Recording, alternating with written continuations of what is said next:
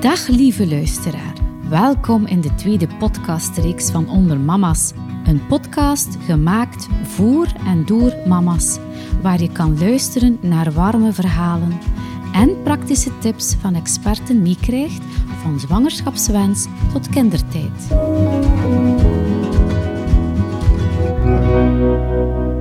Ben Sonja Pijpaard, mama, auteur en jouw host in de aflevering Van Papje naar Hapje. De weg naar jouw baby's eerste maaltijd. In deze reeks heb ik enkele waardevolle gesprekken met experten in functie van mijn twee boeken onder mama's.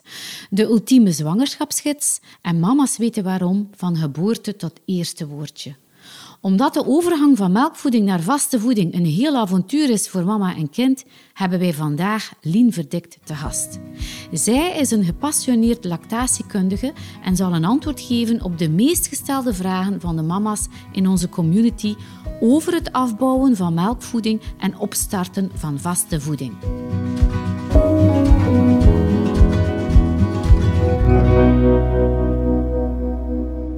Dag Lien, welkom bij de podcast van Onder Mama's. Vandaag gaan we van jou wat meer leren over de overgang van borstvoeding naar vaste voeding. Jij bent zelf kindervoedingsadviseur, gecertificeerd lactatiekundige en je bent ook deel van de huisartsenpraktijk Groei in Gent, die jonge gezinnen helpt vanaf de kinderwens tot jonge kinderen. Maar vertel eens, Lien, aan onze luisteraars, wie ben jij?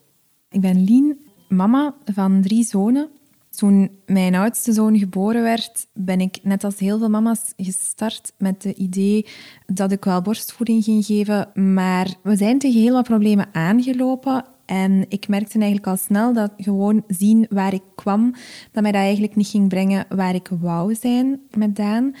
Ik ben op zoek gegaan naar informatie, ik ben mij gaan inlezen, ik ben mij gaan verdiepen. En ondertussen, drie zonen later, uh, mag ik mijzelf lactatiekundige noemen. En het is echt wel mijn doel om mama's te helpen door te gaan zolang zij willen. Mama's kunnen bij mij terecht om verder te gaan met borstvoeding, om gedeeltelijk verder te gaan, maar ook om te stoppen met borstvoeding. Mijn doel is echt om mensen te helpen hun doelen te bereiken, om hen daarin te ondersteunen, zonder van bovenuit eigenlijk beslissingen voor hen te gaan maken. Dat was wat ik het meeste miste als mama. Ik ben heel blij dat de omstandigheden mij de kans gegeven hebben ook om dat eh, te gaan doen en om zo voor andere mama's er te zijn. Nu, ik heb begrepen dat mama's een lactatiekundige ook prenataal kunnen aanspreken of de hulp inroepen. Voor wat is dat dan? Prenatale consultaties kunnen heel nuttig zijn in heel veel gevallen. Um, er bestaan natuurlijk altijd wel mama's die um, een medische voorgeschiedenis hebben, waardoor ze twijfelen of borstvoeding wel iets voor hun zou kunnen zijn, of waardoor ze problemen verwachten. Met die mama's gaan wij op voorhand eigenlijk hun zorgen al een keer gaan bespreken. Er zijn even goed mama's die helemaal geen problemen verwachten, maar die gewoon graag goed geïnformeerd zijn. En ik denk dat sowieso voor elke ouder, mama en papa, wel fijn kan zijn om over de borstvoeding op voorhand al eens te praten, om ook een beetje te weten van wat zijn de verwachtingen, wat mogen we absoluut niet verwachten. Borstvoeding mag bijvoorbeeld nooit pijn doen. We krijgen nog te vaak mama's bij ons in de praktijk die zeiden, ja, maar het deed maar een beetje pijn. En toen een beetje meer en nu kan ik het niet meer houden. Eigenlijk hadden we al kunnen ingrijpen toen het een beetje pijn deed.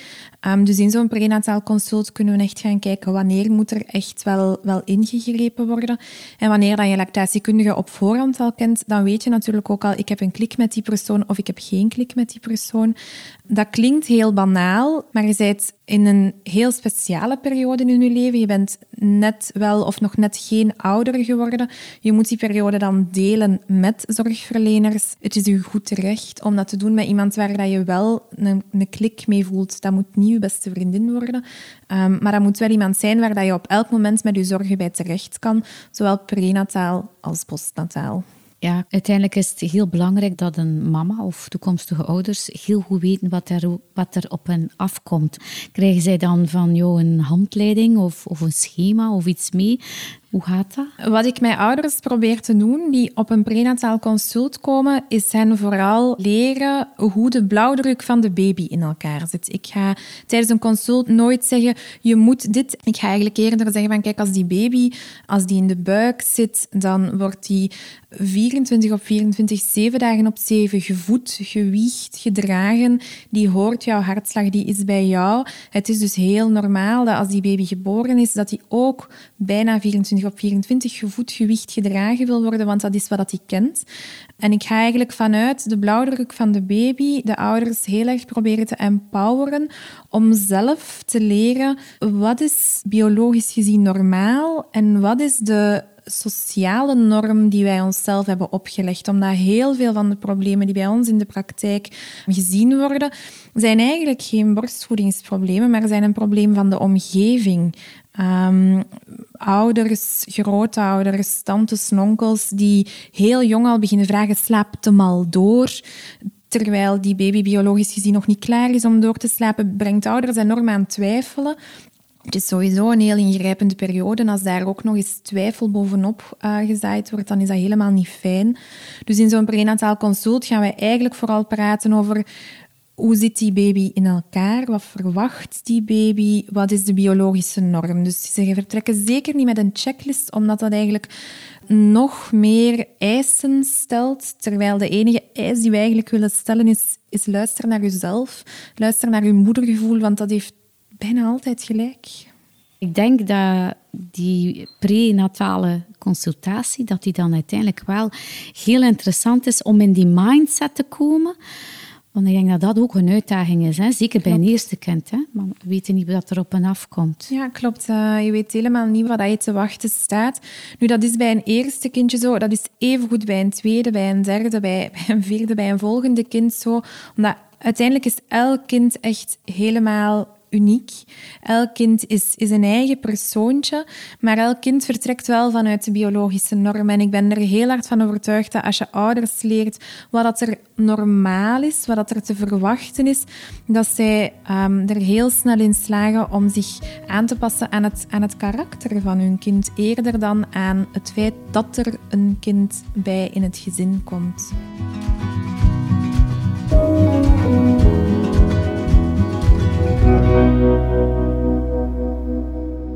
Als we postnataal eventjes gaan kijken, wanneer komen ouders dan bij u terecht? Als lactatiekundige um, is het denk ik anders dan, uh, dan wanneer je bij een vroedvrouw lactatiekundige terechtkomt. Uh, kom je bij een vroedvrouw lactatiekundige terecht, dan word je vaak heel snel postnataal opgevolgd, omdat er wel een aantal aspecten zijn uh, die in de gaten worden gehouden. Nu enkel bij mij als lactatiekundige komen mensen jammer genoeg terecht, vaak al vergevorderde specifieke problemen. Ik zie gelukkig niet alleen de grootste problemen. Ik zie ook heel veel mama's die heel praktische vragen hebben. Hoe kan ik borstvoeding en werken combineren? Mama's die een kolftoestel nodig hebben, die bij ons komen passen. Uh, wij hebben uh, meer dan 25 verschillende kolftoestellen bij ons in de praktijk die getest kunnen worden, waarbij dat we dan echt kunnen gaan kijken wat is wat jij nodig hebt. Klinkt um, fenomenaal, 25 uh, verschillende ja. soorten. Dus ik veronderstel, is dat dan huren bij jullie of is dat dan ook advies om aan te kopen? Wij, wij richten ons enkel op advies om aan te kopen. Ja. Um, omdat we gemerkt hebben dat advies voor huurtoestellen dat dat veel te laat komt. Dat mama's vaak heel snel een toestel nodig hebben, omdat ze tegen een probleem aanlopen. Hun vroedvrouw heeft hen geïnformeerd, heeft hen vaak heel goed geïnformeerd. Zij huren dan een toestel en op dat moment gaan zij beslissen van we willen toch een kooptoestel, omdat we het huurtoestel te duur vinden, niet comfortabel genoeg vinden, of omdat we binnenkort ook terug aan het werk gaan en dat dan nodig hebben. En dan kunnen ze bij ons eigenlijk alles wat er in... Uh, in Vlaanderen, eigenlijk in België en in Nederland uh, op de markt te verkrijgen is, kunnen ze bij ons komen testen. Ja, dus mama's worden uiteindelijk dan wel vrij snel geholpen bij jullie. Uh, want de mama die dan terug aan het werk moet. Mm -hmm. En dan denk ik in die fase terechtkomen van afbouwen of mm -hmm. nog verder gaan. We zien jammer genoeg heel weinig mama's bij ons in de praktijk die de borstvoeding willen afbouwen met behulp van een lactatiekundige. We hebben nog te veel de naam dat we willen blijven pushen om borstvoeding te geven. Het is vooral mijn doel om mama's te helpen borstvoeding geven zolang zij willen borstvoeding geven.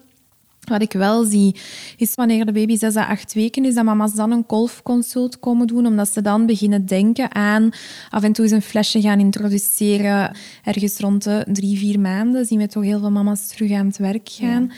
De combinatie met vaste voeding, uh, die, die is iets later. Daar geven wij ook wel graag infosessies over, um, omdat de Wereldgezondheidsorganisatie toch aanraadt om zes maanden lang exclusieve borstvoeding te geven en pas halverwege dat eerste levensjaar vaste voeding te gaan introduceren. Dus we merken wel dat die mijlpalen, want dat is het uiteindelijk toch wel, dat die een beetje, uh, een beetje verspreid liggen. Ja. Slagen mama's er dan in om dan in die fase vaste voeding met borstvoeding nog te blijven combineren? Of moet er ook nog flesvoeding dan geïntroduceerd worden? Er zijn zeker mama's die erin slagen om borstvoeding en, uh, en vaste voeding te combineren. Dat zijn natuurlijk ook de mama's die wij meer zien bij ons in de praktijk. Er zijn ook mama's die borstfles en vaste voeding gaan combineren. Dat is ook altijd een optie. Er zijn ook mama's die rond die zes maanden al overgeschakeld zijn naar flesvoeding en die fles en, uh, en vaste voeding combineren. Eigenlijk is elke combinatie die je als ouder wil maken, is, is een mogelijke combinatie. En elke combinatie heeft zijn eigen voor- en nadelen. Ja waarschijnlijk wel te vroeg van te stoppen met borstvoeding, maar het kan zijn redenen hebben. Klopt. Waardoor je, dat je naar flesvoeding overgaat. Want ja, het lichaam van de mama moet zich ook aanpassen, veronderstel ik, gaan werken. En de omgeving, zoals u daar juist ook zei, speelt een grote rol om die borstvoeding te kunnen blijven op gang houden. Hè. Maar dus die overgangsfase is wel ook weer terug ingrijpend. Zowel voor, uh, voor mama als voor, uh, voor de baby uiteraard. Ja, en zijn er zo van die, van die fabeltjes die er dan zo de ronde doen van ik ga eh, terug gaan werken en ik ben wel beter dat ik overschakel op uh, flesvoeding. Het zal wel, waarschijnlijk beter zijn dat ik dat doe. Ja, er zijn heel veel fabels die de ronde doen als het aankomt op borstvoeding of kindervoeding in het algemeen. Ik denk dat de meest jammere en hardnekkige fabel ook die wij tegenkomen, is er eentje uh, waarbij dat de mama's stoppen met borstvoeding geven tegen dat het kindje naar de opvang gaat, omdat dat beter zou zijn, um, dat ze dan niet afhankelijk zijn van de mama. Als dat natuurlijk jouw persoonlijke keuze is, dan is dat eentje waarbij dat we zeker gaan, gaan helpen, uh, want dat is een heel valabele keuze.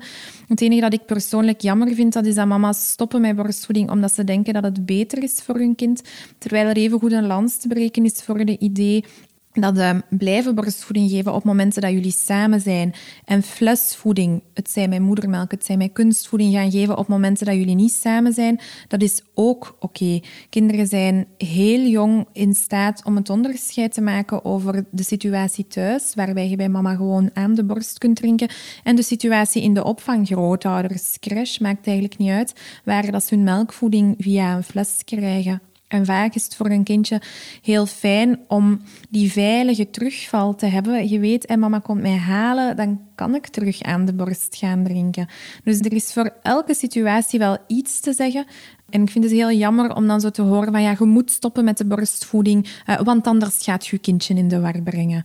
Ja, eigenlijk eh, leren ze ook heel veel en heel snel. Hè? Dat eerste jaar, dus zij kunnen dat ook wel plaatsen dan uiteindelijk. Hè? Klopt, inderdaad. Um, van borstvoeding gaan je borsten hangen. Is dat een fabel of niet? Dat is een heel erg grote fabel. Borsten gaan uh, vooral hangen door de zwangerschapshormonen. En het is, onder invloed van die zwangerschap dat dat weefsel gewoon soepeler wordt.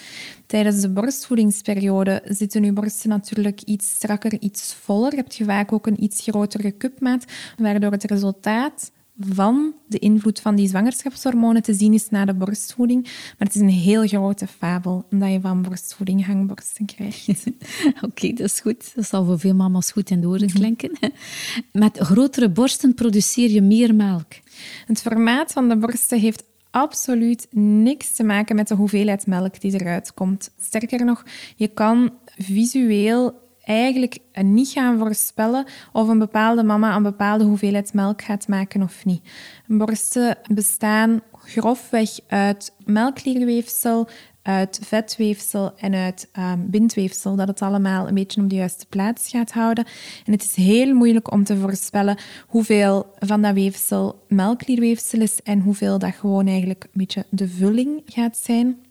Bovendien is wat je met je borsten doet na de bevalling van veel groter belang dan hoeveel van bepaald soort weefsel dat er was. Je kan net genoeg melklierweefsel hebben om een kind te gaan voeden uh, en dat klierweefsel ook ongelooflijk efficiënt gaan inzetten, waardoor dat je altijd het gevoel hebt dat er genoeg melk is. Je kan evengoed heel veel melkklierweefsel hebben, maar dat op een heel onefficiënte manier gaan inzetten, waardoor dat je altijd het gevoel gaat hebben dat je net een beetje tekort komt. Dus enerzijds is het niet te zeggen aan de buitenkant te zien of er genoeg of niet genoeg gaat zijn. En anderzijds heeft het ook veel te maken met wat je ermee doet met het weefsel dat er is. Ja. Kan je te veel melk produceren? Je kan zeker te veel melk produceren. En te veel melk is een even groot probleem dan te weinig melk. Um, wij horen vaak in de praktijk, ik wou dat ik te veel melk maakte, um, maar even vaak hoor ik mama's die een grote overproductie hebben, die, die dubbel zoveel melk aanmaken dan ze nodig hebben voor hun kindje, die zeggen van ja, maar het is geen groot probleem, ik heb genoeg. Maar te veel melk is een even groot probleem dan te weinig melk, want bij te veel melk heeft, heb je zelf een heel oncomfortabel gevoel. Um, als mama heb je ook meer risico op verstopte melkkanalen, op een borstontsteking, op heel wat nare bijwerkingen. En evengoed voor het kindje is dat niet fijn, want die krijgen ook sloten melk te verwerken, waardoor het in eender welk volumeprobleem, of je nu te veel of te weinig hebt, eigenlijk altijd beter is om te gaan naar de juiste hoeveelheid. En dat is voor alle partijen altijd fijner. Ja. Sommige mama's kiezen voor kunstvoeding, mhm. hè, van bij het begin. Mm Zij kunnen daar wel al eens schuldgevoelens over hebben. Mhm. Want ja, het loopt eh, misschien niet zoals ze gedacht hadden, of een droom was wel borstvoeding geven, maar om de een of andere reden zijn ze beland in de kunstvoeding. Mhm. Wat is uh, jouw mening daarover? Ik denk dat dat heel belangrijk is, dat mama's die bij ons terecht komen, dat zij weten dat ik daar geen mening over heb. Wat dat voor mij belangrijk is, is dat je jezelf goed voelt uh, en is dat je kindje goed gevoed is. En de manier waarop, dat is de manier waarop dat wij samen willen werken. Als mama's willen stoppen met borstvoeding, dan vraag ik wel altijd waarom ze willen stoppen. Niet om hen te overtuigen, maar omdat de reden waarom ze willen stoppen een impact heeft op de snelheid waarmee ze stoppen. Mama's die bij ons komen omdat ze willen stoppen met borstvoeding om terug aan het werk te gaan, hebben vaak een aantal weken de tijd om te stoppen. Mama's die bij ons komen om te stoppen met borstvoeding, uh, omdat zij bijvoorbeeld een operatie moeten ondergaan, die hebben veel minder tijd om te stoppen. Dus ik vraag wel altijd uh, in de mate dat mama's willen antwoorden natuurlijk waarom je wil stoppen. Nooit met een oordeel. Ik heb nooit een oordeel klaar over mama's die borstvoeding of kunstvoeding geven. Ik denk dat het heel belangrijk is dat zij geïnformeerd worden ook over kunstvoeding. Ik ben zeker geen kunstvoedingsexpert, maar de grote firma's um, die kunstvoeding aanbieden, zijn ook geen kunstvoedingsexpert. En ik denk dat het gewoon heel belangrijk is dat je neutraal advies kan krijgen. Dus ik heb geen mening over mama's die van zichzelf vinden dat ze heel vroeg aan kunstvoeding begonnen zijn. Wij gaan hen helpen, net zo goed als dat we mama's helpen die vinden dat ze heel lang borstvoeding geven. Er is wel flesvoeding dan in, in die overgangsfase die goed gelijkt op uh, borstvoedingsmelk. Eh, er is geen kunstvoeding die lijkt op moedermelk. Nog qua smaak, nog qua samenstelling is dat een fundamenteel andere melk. De kunstvoeding die van zichzelf zegt dat ze lijkt op moedermelk, heeft een marketingstrategie gevonden om dat aan de mama's vooral aan te praten. Op dit moment is alle kunstvoeding die in België op de markt is, veilige kunstvoeding en is aanvaardbare kunstvoeding om aan, uh, aan het kindje te geven. Elk ook met zijn eigen voor- en nadelen. Elk merk heeft een lichtjes andere formule. Die hebben eigen voor- en nadelen. En ook daar, denk ik, is het heel belangrijk om mama's neutrale informatie te kunnen geven, zodanig dat zij samen dan met ons wel voor hun kind de beste kunstvoeding kunnen gaan kiezen.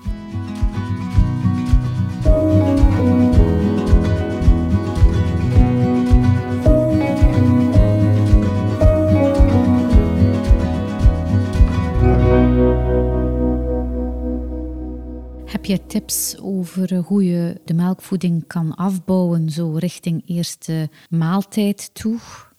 Ik denk dat mijn tips voor het afbouwen van de melkvoeding naar de eerste maaltijd toe er vooral zijn om nog niet af te bouwen. Melkvoeding, of het nu borstvoeding of kunstvoeding is, is in het eerste levensjaar de hoofdvoeding voor de baby en alle andere voeding is bijvoeding groenten, fruit, of je dat nu in stukjes of in prakjes uh, of in papjes gaat geven, dat blijft bijvoeding. Uh, dat blijven extra vaardigheden die zowel het lichaam inwendig als de baby extern gaat moeten leren. Het ene kindje gaat daar sneller mee om dan het andere. Um, dus mijn grootste tip is vooral weet dat het bijvoeding is. Het is belangrijk dat het aangeboden wordt, want die baby moet dat wel leren.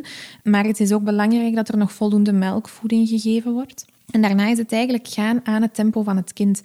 Uh, ook als je kunstvoeding geeft. Vaak wordt er gezegd, ja, ja, bij borstvoeding kan dat wel allemaal, maar bij kunstvoeding moeten we wat meer tellen. Maar ook kunstvoeding kan eigenlijk vanaf de geboorte al, en zeker wanneer er vaste voeding in het spel komt, gegeven worden aan het tempo van de baby. Ja. Wanneer dat de, de vaste voeding of de eerste maaltijd eraan komt, begin je dan met de melk? En ga je dan Wanneer de overgang gemaakt wordt van melkvoeding naar vaste voeding, wordt er altijd eerst met de melk begonnen. Um, omdat uh, uit die melkvoeding kan die baby veel meer en veel makkelijker voedingsstoffen gaan halen. Dus dan is die buik eigenlijk al voor een stuk gevuld met heel makkelijk opneembare voedingsstoffen. Dus puur nutritioneel gezien is het belangrijk dat die vaste voeding geen al te groot volume gaat innemen, omdat het voor dat kindje nog heel moeilijk is om daar veel uit te halen. Nu, emotioneel gezien voor het kind is het ook gewoon fijn om met de melkvoeding te beginnen, omdat dat iets is dat ze kennen. Die, als een kindje een, potje groentepap voor zijn neus ziet verschijnen de eerste keer, dan um, kan ik wel geen gedachten lezen, maar ik durf toch, uh, toch zeggen dat de eerste gedachte van dat kindje niet gaat zijn hm, groentepap, daar ga ik mijn buik mee vullen. Nee, die gaat zoiets hebben van ja, oké, dat is heel fijn, maar ik heb honger, geef mij melk. En wij zijn als volwassenen ook niet geneigd om een nieuwe vaardigheid aan te leren een half uur voordat onze lunchtijd begint. Wij gaan daar ook fris en, en mond eraan beginnen en dat is voor een baby niet anders. Hun, hun, hun reflex naar uh, naar eten gaat zich eerst nog naar die melk richten en niet naar de vaste voeding. Dus om heel veel redenen is het logisch om eerst melkvoeding en dan pas uh, vaste voeding te gaan aanbieden. Welke ontwikkelingsfasen heeft een baby doorlopen vooraleer dat hij eigenlijk uh, klaar is voor zijn eerste maaltijd? Het allerbelangrijkste is dat een baby rechtop kan zitten.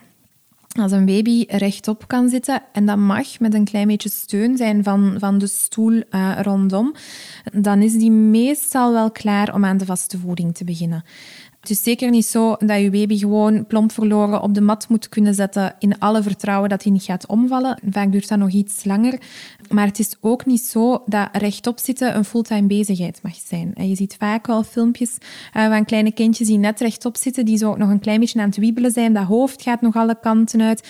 Zij gebruiken nog heel hun bovenlichaam om te proberen stabiel te zitten als stabiel zitten op die manier echt nog een bezigheid is voor dan zijn zij nog niet klaar om daar een nieuwe bezigheid aan toe te voegen. Dan is eten nog een brug te ver. Maar van zodra dat zij een, aantal momenten echt wel mooi rechtop kunnen gaan zitten, eh, zijn zij klaar om aan, uh, aan de volgende stap te beginnen de tong die moet toch wel wat bewegingen ook aankunnen, hè? De tong moet een aantal bewegingen aankunnen, dat klopt. Uh, nu, evolutionair gezien zijn wij eigenlijk helemaal gemaakt om pas vaste voeding te gaan eten als onze mond daar ook klaar voor is. Zo merk je dat bij kleine baby's de kokhalsreflex heel vroeg, heel ver van voor in de mond ligt. Terwijl dat we die als volwassenen ligt die heel ver van achter. Moet je eigenlijk al iets bijna helemaal aan het einde van je keel krijgen voordat die kokhalsreflex komt. Dus een baby die, die leert heel veel. Die moet inderdaad uh, vaste voeding leren ronddraaien ook in zijn mond. Die moet daarmee leren omgaan. Die moet, daar, uh, moet dat in de juiste richting leren sturen. Maar ons lichaam laat dat eigenlijk pas toe op het moment dat die kokhalsreflex naar achter aan het verschuiven is. Op het moment dat heel dat lichaam eigenlijk aangeeft, ik ben klaar om dat te gaan doen. Vandaar dat eten stukjes eten in de mond van een baby gaan steken, is eigenlijk een, een ingebouwd veiligheidsmechanisme van de baby gaan, gaan overroelen, gaan overschrijden. Want die kokhalsreflex die zit daar wel voor een reden. Die zit daar als, als beveiliging. Dus je zegt dat die uh, kokhalsreflex, die verandert dan rond de zes maanden, gaat die meer naar de achterste zone van de mond? Mm, dat begint eigenlijk al voor zes maanden. Kindjes doen dat automatisch, gaan dingen echt naar hun mond gaan brengen, gaan speelgoed in de mond steken, gaan hun eigen vingers, eigen handen in de mond steken, waardoor dat zij ook gewoon leren omgaan met dingen die op een veilige manier in hun mond terecht gaan komen. En inderdaad, na die eerste zes maanden, naarmate dat zij ook leren om te eten, die vaardigheden leren oppikken, dan verschuift die ook naar achter in de mond. Er is zoiets als de Rapley-methode. Uh, dat is wel een heel andere benadering om een kind te, te leren eten of zijn eerste maaltijd te serveren. Ik ben benieuwd hoe jij daar tegenaan kijkt. Ik ben zelf een heel grote fan van Jill Rapley zelf. Um, ze heeft zelf nooit de bedoeling gehad om um, in de lage landen gekend te zijn als die van de Rapley-methode.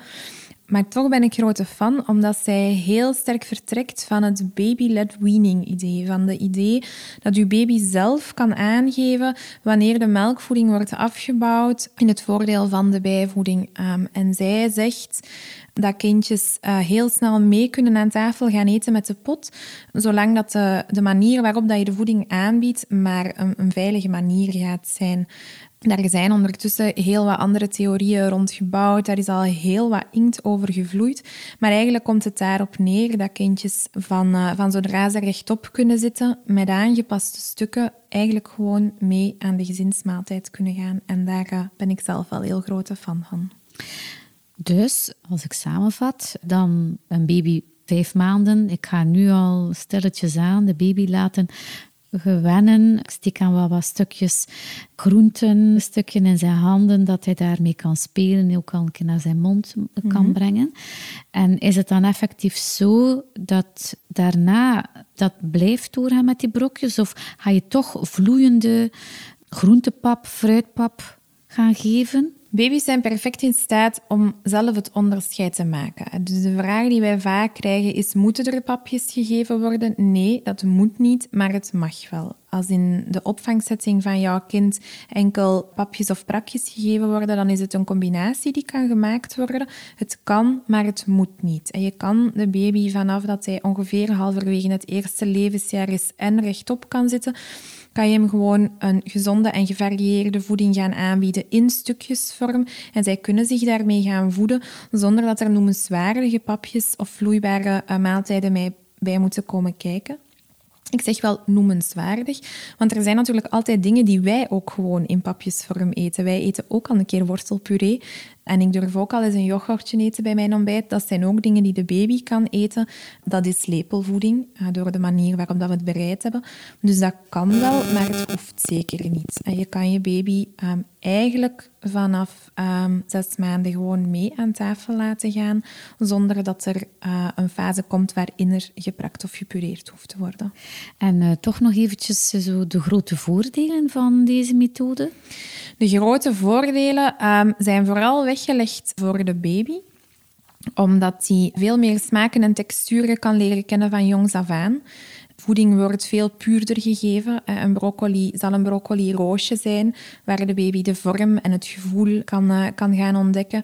Broccoli zal geen broccoli puree zijn, waar ook een aardappel bijvoorbeeld aan toegevoegd is, of waar ook vlees of vis aan toegevoegd is. Dus de smaak komt veel puurder binnen. Waardoor dat, uh, sommige kindjes wel geneigd zijn om een veel bredere smakenpalet te gaan ontwikkelen. Omdat ze een pureetje bijvoorbeeld niet moeten gaan afschrijven voor één van de vijf elementen die ze niet lusten, maar gewoon één soort voeding aan de kant kunnen laten liggen. Er zijn altijd wel dingen die we niet graag uh, eten, als kind zowel als volwassenen. Dus de meeste voordelen zijn denk ik wel weggelegd voor de baby. Omwille van die smaak en die textuur. Maar ook omdat hij zelf veel beter kan aangeven hoeveel vaste voeding die precies wil. En dat is waarom ik ook grote fan ben van de boeken van Jill Rapley zelf. Omdat zij heel hard hamert op de baby die aangeeft hoeveel er gegeten moet worden. En gegeven dat er gezonde en gevarieerde voeding aan de baby wordt aangeboden, is die perfect in staat om zelf te gaan beslissen over hoeveel er gegeten gaat worden. En het voor de ouders uh, gemakkelijk is omdat er veel minder zorgen moeten zijn. Maar ik denk dat we daar eerlijk in moeten zijn dat er voor de ouders wel veel meer opkuist gaat bij komen kijken wanneer de baby's in stukjes gaan uh, gevoed worden. En uh, het gevaar op verslikken? Ja, daar wordt heel vaak over gepraat, hè, over slikken en, en verstikken. Terwijl het gevaar eigenlijk niet veel groter is dan wanneer er papjes gegeven worden. Zolang dat een baby er rechtop zit en zelf de regie in handen krijgt, dus wanneer er niks in de mond van de baby geduwd wordt, is dat gevaar relatief beperkt. Ze gaan zich verslikken, daar ben ik vrij zeker van. En dat is geen fijn geluid om te horen, maar de meeste baby's leren daar ook van. En eigenlijk zijn dat meestal maar onschuldige leermomenten voor de baby. Gepureerde voeding, die, die brengen wij aan met een lepel en geven dat aan de baby. Maar dan heeft hij daar ook niet veel niet meer over te vertellen eigenlijk. Nee, klopt. En het moment dat ze zich gaan eh, verslikken met een gepureerde voeding, wordt het pas echt moeilijk. Want dan is die eigenlijk helemaal verdeeld in de mond. Die hangt aan de kaken en het verhemelte. Die zit eigenlijk overal. En dan moet die baby heel veel moeite doen om die in de juiste richting er te gaan uitkrijgen. Terwijl dat het grote voordeel van stukken natuurlijk is dat dat uh, op dat vlak wel een pak eenvoudiger gaat. Wordt uh, dan in, in deze methode ook de fruit- en de groentepap gewoon doorheen gegeven? Is daar een verschillen? Daar zijn al heel veel theorieën de revue gepasseerd de laatste tien jaar. En uh, ook daar volg ik Jill Rapley zelf eigenlijk in, dat het eigenlijk niet zoveel uitmaakt. Dat gezonde alternatieven de voorkeur hebben, maar of dat groenten of fruit zijn, maakt eigenlijk niet zoveel uit. Wat wij merken bij ons in de praktijk, is dat dat enorm afhangt van het seizoen. In de zomer, wanneer er heel veel verschillende soorten fruit zijn, zijn ouders heel snel geneigd om fruit te gaan aanbieden. Terwijl we in de winter, wanneer dat we zelf ook een beetje terugvallen op comfort food, op, uh, op warme maaltijden, de ouders vaak uh, aan de groenten als eerste gaan ja, beginnen. Ja, ja, ja. ja, en dan het, uh, het potje klaargemaakt al ja. hè, in, de, in de industrie. Mm -hmm. Zit daar nog voeding in? Daar zit zeker nog voeding in. We weten wel dat daar te weinig vetstof in zit. Dus we raden mensen altijd aan om daar vetstof aan toe te voegen. We gaan dat potje ook zeker niet, niet gaan vergruizen. Dat kan soms echt wel een goede oplossing zijn voor ouders in bepaalde omstandigheden. En het is ook niet aan ons om daar een oordeel over te vellen. Het grote voordeel van het eten met stukjes is dat dat ook een stap is waar je geen zorgen moet over maken. Um, je kan gewoon de eigen maaltijd bereiden en een klein stukje reserveren voor jouw kindje. En dan kan je die extra moeite die die prakjes of die papjes meestal kost, die kan je overslaan. Mm -hmm. Stomen of koken? Er wordt ook heel veel over gezegd. Ik denk dat als je gaat kijken Um, naar wat we daar in het verleden mee gedaan hebben, dat er eerst gestoomd werd en dan gekookt werd en dan vooral niet gestoomd en dan vooral wel gekookt. Ik denk dat daar gezond verstand het allerbelangrijkste is. Ja. En als jullie thuis vaker warme maaltijden eten wanneer er gekookt wordt, dan draagt dat zeker de voorkeur weg. Hoe normaler dat je in het gezinsleven kan staan en hoe normaler dat je je kind ook in je eigen gezinsleven gaat betrekken, hoe makkelijker het ook is om het te gaan volhouden. Ja, kind ziet dat ook van, van de rest van de gezinsleden en, en apt dat eigenlijk wel toch voor een groot stuk na. Hè? Dat is uiteindelijk ook wat ze gaan doen. Kindjes die aan zes maanden aan vaste voeding beginnen, die doen dat niet uit een ongelooflijke honger. Die doen dat vooral omdat ze merken dat elke ochtend, middag en avond is er daar een heel gezellig moment waar dat zij geen deel van mogen uitmaken en zij willen daar deel van uitmaken. Ik heb zelf bijvoorbeeld mijn middenste zoon, die wou heel snel, heel graag mee aan tafel gaan. En die had ook heel snel door dat wij iets deden met bestek. En het heeft ons een aantal zeer frustrerende eetmomenten gekost voordat wij door hadden dat hij bestek wou. We hebben hem dan bestek gegeven en ik heb toch een maand of twee in fotoalbums waar dat mijn kind aan tafel zit met een lepel die in de lucht steekt. Omdat hij wist, je moet iets met dat bestek. Maar wat je daarmee moest, dat was hem nog niet helemaal duidelijk. Ze apen Leuk. zo graag na en ze leren ook zoveel door ja, na te apen. Ja, ja, maar soms duurt het even. Ja, ja, ja leuk. En dan de, de volgende kindjes zien dat dan van de, heel snel van de grotere. Klopt. Hè? Daar pakken ze het uh, waarschijnlijk, of nemen ze het nog sneller van aan? Ja, de jongste, uh, ik denk dat dat in veel gezinnen wel zo is. Dat is uh, diegene die het snelst met de dingen weg is. Ja, ja, ja, ja, ja. mensen zorgen rond. Hè? Ja. ja, eentje mm, waar ik al vaak ook heb bij stilgestaan, maar ik denk dat ik het antwoord weet. Een uh, baby voeden in een webstoeltje. Nooit een goed idee. Ja. Net zoals dat je zelf niet gevoed wil worden in een wipstoel en zelf niet achterover in de zetel gaat drinken, maar je daar zelf rechtop voor zet, geldt dat voor de baby net zo goed. Nee. Als we dan een keer samen kunnen vatten aan de belangrijkste milestones die zo een baby van 0 tot 18 maanden hè, op vlak van voeding doorloopt, het zijn er wel een aantal. Hè? Kan jij ze zo eens op een, op een rijtje de tijdslijn aflopen zo? Ja, um, ik denk dat het uh, voor een stuk natuurlijk afhangt van de dynamiek in het gezin. Nu, elke baby wordt geboren en, uh, en start met zijn, uh, zijn of haar melkvoeding. Dat is in Vlaanderen gelukkig in de meeste gevallen al borstvoeding, in sommige gevallen niet. Ehm, Toch is er een trend nu terug voor? de trend voor het starten met borstvoeding gaat al een tijdje in de goede richting. Er wordt helaas wel nog altijd heel snel gestopt met borstvoeding. En we merken dat dat vaak door fout advies is. Dus dat is wel een beetje jammer. Zoals ik al zei, mijn doel is om mama's te laten voeden zolang zij willen. En stoppen met fout advies is, eh, of omwille van fout advies is natuurlijk jammer. Ja. Nu, of jouw baby nu flesvoeding of kunstvoeding drinkt, rond zes maanden wordt er vaste voeding geïntroduceerd. Die melkvoeding die blijft wel belangrijk gedurende dat eerste levensjaar. En dan in het tweede levensjaar krijgt vaste voeding een belangrijke rol, een belangrijkere rol weggelegd. Ja. Ja, er is voor mij, in mijn hoofd is er een rode draad tussen borstvoeding en babydragen. Klopt. Klopt dat? Dat is er voor mij ook. En dat is ook de reden waarom ik mij daarin ben gaan verdiepen als draagconsulente. Omdat ik merk dat baby's ja, geboren worden met hun eigen blauwdruk. En dragen en voeden zijn daar hele grote onderdelen van. En ik wil het voor ouders, voor jonge ouders, zo gemakkelijk mogelijk maken. Want uiteindelijk, als je gaat kijken naar alle zoogdieren, dan zijn wij als, als mensen toch echt wel, uh, ja, echt wel dragers. Hè. Onze kinderen worden heel onafgeboren, kunnen eigenlijk nog niet zo heel erg veel uh, zelfstandig. Zijn enorm afhankelijk, zowel voor warmte, voor liefde, voor, voor verdediging. Uh, gelukkig leven we niet meer in zo'n wilde tijden.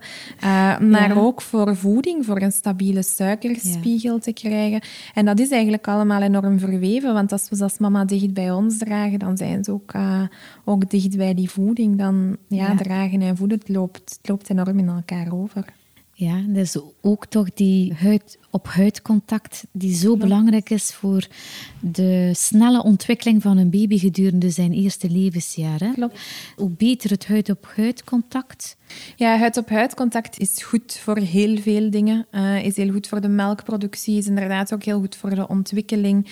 Zorgt er ook voor dat kindjes zich instant veel rustiger gaan voelen. Ik ga niet zeggen dat je, als je ze huid op huid legt, dat ze rustig zijn. En zo, zo werkt het jammer genoeg ook niet. Ze worden er wel veel rustiger van, omdat ze, ja, omdat ze mama voelen, ruiken, horen.